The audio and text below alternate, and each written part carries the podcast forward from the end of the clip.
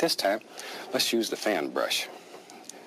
And I'm going to load this brush by pulling it through some titanium white. We'll add some bright red to that too.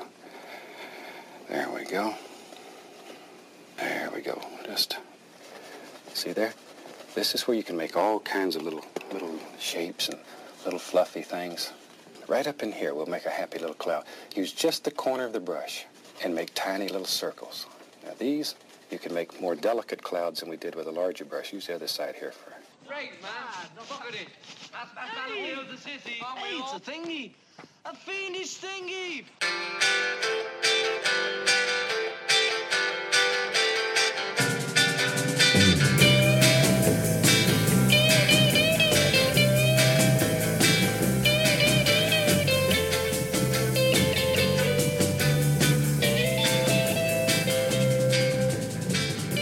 Welcome, welcome, boys and girls, to A Fiendish Thingy, which is an experiment of the Rob Bartlett Radio Comedy Hour.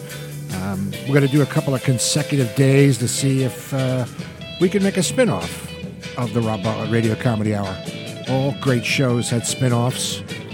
Frasier was a spin off of Cheers, Facts of Life was a spin off of Diff'rent Strokes. Green Acres and Petticoat Junction were spin offs of the Beverly Hillbillies. Law and Order begat Law and Order SVU, which the Robbio did five episodes of as the shady defense lawyer Milton Schoenfeld. Um, the Six Million Dollar Man gave birth to the Bionic Woman. I mean, not actually gave birth, but you know, he probably could have if when they rebuilt them, they they spent an extra fifty grand and gave him a uterus. Sometime my sister, she show her vagina to my brother Bilo and say, you will never get this, you will never get this, la la la la la. Anyway, the idea is that as a companion to the variety type show with the bits and the sketches and the music, I'm going to take one topic and beat it to death. And the result will be a much more raw show. It'll be a shorter show, and for those of you who undoubtedly have the attention span of a fruit fly, a more entertaining show. So we invite you to send us an email at robbioradiocomedyhour at gmail.com and let us know what you think. It's my considered opinion that you're a bunch of sissies. Before I take on today's topic, I want to remind you guys I'm going back out on the road this summer with a show called Do You Want to Know a Secret, starring me and my friend Billy J. Kramer of Billy J. Kramer and the Dakotas, Liverpool British invasion legend. You know, I'm bad to me, I'll keep you satisfied, from a window, I call your name, all written by Lennon McCartney. He also did the first version of Do You Want to Know a Secret, which went to number one on the British charts, by the way, which the Beatles never did. Their version never even charted well, it was because they didn't release it as a single in Britain, so it couldn't have charted. But Billy technically still did better than them. Uh, he's got a bunch of great stories, not just about that, but about working with the Beatles. And uh, he's got some things to say about Gerry and the Pacemakers, and Peter Asher from Peter and Gordon, and Peter Noone from Herman's Hermits. So I'm going to do some British invasion comedy, which will basically be my act, but I'll do it with a Cockney accent. And then uh, I'll interview Billy. And then he and the band will do a set, uh, all those hits I mentioned, and Little Children, which you should look up right now. I put this on pause and go look up Little Children on YouTube. He and the band will do the set, and then uh, I'll come back and we'll do a number together. No doubt a, a Beatles song, but uh, it's a different type of show, but a damn fine, entertaining one. A splendid time is guaranteed for all. But the big news, boys and girls, Thursday night, June 6th, I begin a five episode story arc as a guest star on Elementary on CBS. Five weeks in a row, the Robbio plays a police captain. Unfortunately, the, the character won't be back because it's the last season for the series. Kind of like when I did The Good Wife a couple of years ago. It was their last season. I must be a jinx. Uh, that was a great character on, on The Good Wife. I was a shady lawyer, Bernie Bukovitz, as opposed to my shady lawyer, Milton Schoenfeld. Um, do you think uh, I'm being typecast? No, because now I'm a police captain. I actually lobbied for a spinoff from The Good Wife, starring Bernie Bukovitz, but they instead they decided to do The Good Fight with Christine Baranski, which you know they have not asked me to come do a guest spot on. But it's only on you know CBS Plus or whatever that thing is that you you know you have, you have to fucking pay for it. So so no loss there.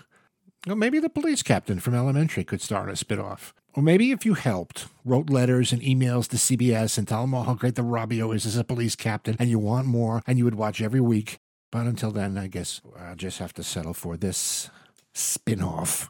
So today I want to tackle a subject. It's a kind of a controversial subject. I mean, it's not political or you know religious or or anything like that. It's it's about art, boys and girls, and it comes from my reading this article last week, which told of a art auction at Christie's, a stainless steel sculpture of a balloon animal rabbit created by the pop artist Jeff Koons uh, was sold at auction for $91 million. 91 m- m- m- million. It's apparently the most expensive artwork by a living artist, uh, which has driven me to the conclusion that Orson Welles was ahead of his time when he said, I don't know anything about art, but I know what I like. My father doesn't believe that being an artist is a proper job. I'm always confused by what constitutes art. Almost two years ago, Leonardo da Vinci's Salvator Mundi sold for $450 million at an auction at Christie's to some Saudi prince. But, you know, it's, it's Da Vinci, Vitruvian Man, Last Supper Da Vinci, the guy who did Mona Lisa. Well, he didn't exactly do Mona Lisa, he, he painted her. Although, you know, he might have tapped that because she is, you know, kind of smiling.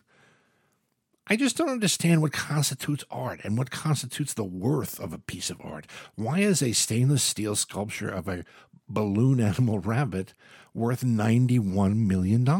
Why is a, um, a Jackson Pollock painting worth $140 million? Well, that is probably because artworks sold after an artist's death are always worth more because there's a finite amount of them. But what makes a Jackson Pollock painting art? You know, it's it's a brilliant work to hear art people, you know, those condescending people at the galleries and, and at the museums, you know, kind of like the, the people at the ballet when I maintain that they should just get taller dancers, that kind of look. What makes a Jackson Pollock a brilliant work when it looks like it almost it almost looks like the, the spin art painting my kid did at the county fair. They're both abstract. Pollock stood over a canvas, dribbled paint with a stick, my kid stood on a stool and squirted paint from ketchup bottles, but Pollock's goes for millions of dollars, and my kid's painting is worth $5 only because that's what I paid for it when it was first commissioned. Who produced this monstrosity? This painter is a degenerate. It looks like he's painted it with a scrubbing brush. Oh, great. That's, oh, wow. Look at that. That's great. Okay, now let's go on a tilt a whirl. You give me a 12 foot by 10 foot canvas and a couple gallons of Sherwin Williams, and I guarantee you I can make you a Jackson Pollock. And if I can do it, I can assure you it's not an art. Van Gogh, this is interesting. Van Gogh, one of the more famous, well respected, you know, crazy, batshit crazy. But uh, he only sold one painting in his lifetime. Now, you know, he sold quite a few after his death, but the whole posthumous thing, not exactly what you would call a lucrative market but in his lifetime, Van Gogh only sold one painting for 400 francs, which is approximately $2,000 in 2019 money. But a Mark Rothko, number six, violet, green, and red, looks like what a person recovering from a massive head wound came up with when he tried to paint a bowl of fruit. $197 million that got. So why is that worth more than a Picasso that sold for only $180 million?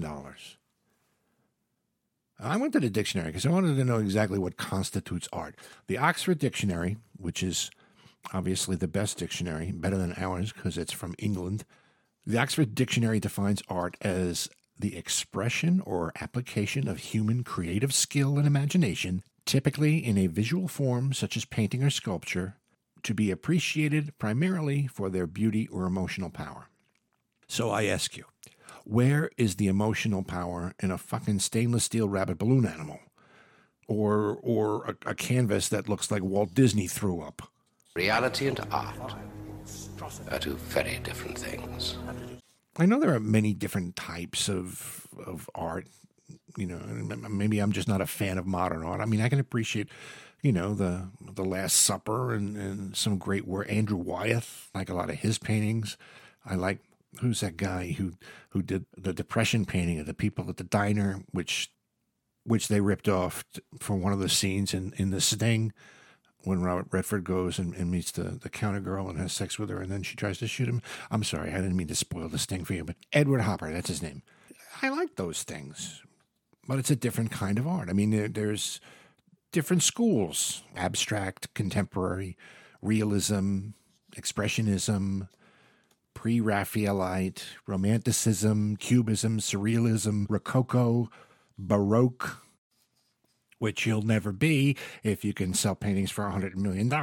But uh, I have to say, my favorite of all of those is uh, Impressionism. We were painters of water, of light, of color. The Impressionists, they called us. My Christopher Walken impression is one that follows really no pattern at all. It's its own entity. It's a dangling participle. And, and I know that's not an example of impressionist art, but it is an artful impression by Jay Mohr. You know, I would have taken a clip from Rich Little, but everything he does sounds like Johnny Carson. And you know, I never understood why people go to see impressionists. What's special about a guy who can make his voice sound like somebody else? And, and, build a whole act around it, you know? I wonder what it would be like if Al Pacino, Robert De Niro, and John Travolta were all in a kindergarten class together. I think it might go something like this. I'm not really exaggerating, that is an actual bit that uh, a comedian, a very, very famous comedian, used to do in his act. Dice Clay. Dice Clay used to do that bit, that very bit in his act. And they actually weren't bad. Three impressions of Pacino and De Niro and, and Travolta. But, you know, it's one thing to do an impression as part of a comedy act, you know, like Jay Mohr does his Christopher Walken. But impressionists, what's the allure? What's it?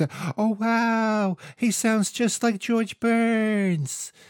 Yeah, ex- except not funny impressionists always have shitty material, the lamest, hacky.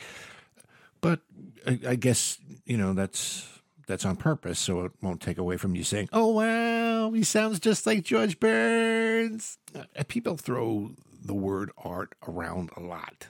Some consider music, literature, and dance art. Um, if you're going by that uh, definition, there's no more emotional experience than music. I mean, that's almost primal. You know, when you're talking the Beatles or Marvin Gaye or Stevie Wonder or the Kinks or Ray Charles, that's real art from real artists. Not so much Justin Bieber, Miley Cyrus, Billy Ray Cyrus, or Yoko Ono, which I, you know I really should be making fun of because she is a frequent guest on the Rob Bartlett Radio Comedy Hour. Literature, you can you can be moved by words on a page. I mean, there's a reason why Catcher in the Rye resonates with so many people. Dance, I don't know. For me, uh, I see Baryshnikov. I'm thinking, Jesus, no wonder they call that leg wear tights because they're so tight. All you can see is his dick. Comedy is an art, but only when somebody like George Carlin or Richard Pryor or Jonathan Winters is doing it. I mean, those guys created Renaissance level masterpieces, and 99.9% of comics today are paint by number hacks. I don't know if I would have become an artist if God hadn't created the female breast. but the, the art form that I have the most trouble with is performance art. What the fuck is performance art? Someone pouring maple syrup over their naked body and screaming is considered performance art. What's what's going on there? Is that supposed to represent an angry lumberjack protesting the clear cutting of forests, or is it just someone with a disturbing crush on Mrs. Butterworth? There's a, a performance artist by the name of Abraham Poincheval who lived in a bear carcass for two weeks. That was his art. That was his performance. What was that supposed to represent? I mean, if it was Yogi Bear's carcass, you could say it was a protest of how after the 60s were over, Hanna-Barbera cartoons really sucked. A performance artist by the name of Adrian Parsons circumcised himself in front of an audience with a dull Swiss army knife, and then, as if that wasn't enough, proceeded to stuff the foreskin into a glory hole. And his statement was, I was trying to penetrate in a direct, literal way the gallery and the audience. I wanted to be organic shrapnel.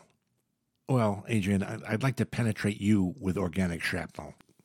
I'd like to circumcise you with uh, a rusty clam shucker, and we'll call that performance art. What you're doing is the most original and vigorous art in the country. Ron Athey had a um, performance art piece he called Incorruptible Flesh. He was naked, strapped to a metal examination table, looking like a corpse. The skin of his eyes were pinned back, and he had a baseball bat impaling him from behind. And he invited viewers to anoint him with a white foamy substance. Who is this man? Dishevelled and motionless, lying on the floor for hours without moving. He is an artist. But the one that I think takes the cake, uh, a woman artist by the name of Milo Moir did something called plop egg painting, which involved her standing on a scaffold and pushing out paint filled plastic eggs from her vagina onto an empty canvas,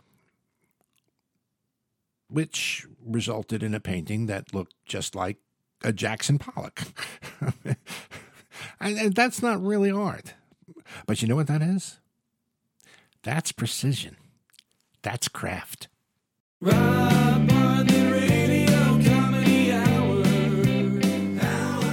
Well, that about does it uh, for this fiendish thingy. We'll have another one for you tomorrow on another topic. Don't forget to uh, mark your calendars.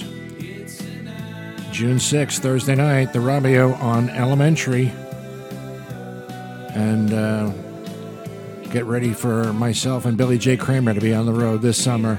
And if you want to find out the dates and where you can get tickets for that, etc., etc., check out the Rob Bartlett Radio Comedy Hour Facebook page or follow us on Twitter at The Robbio, on Instagram, Robbio007, and Robbio Radio Comedy. And thanks for listening. Thanks for downloading. Thanks for subscribing. Tell your friends and family. Share the wealth.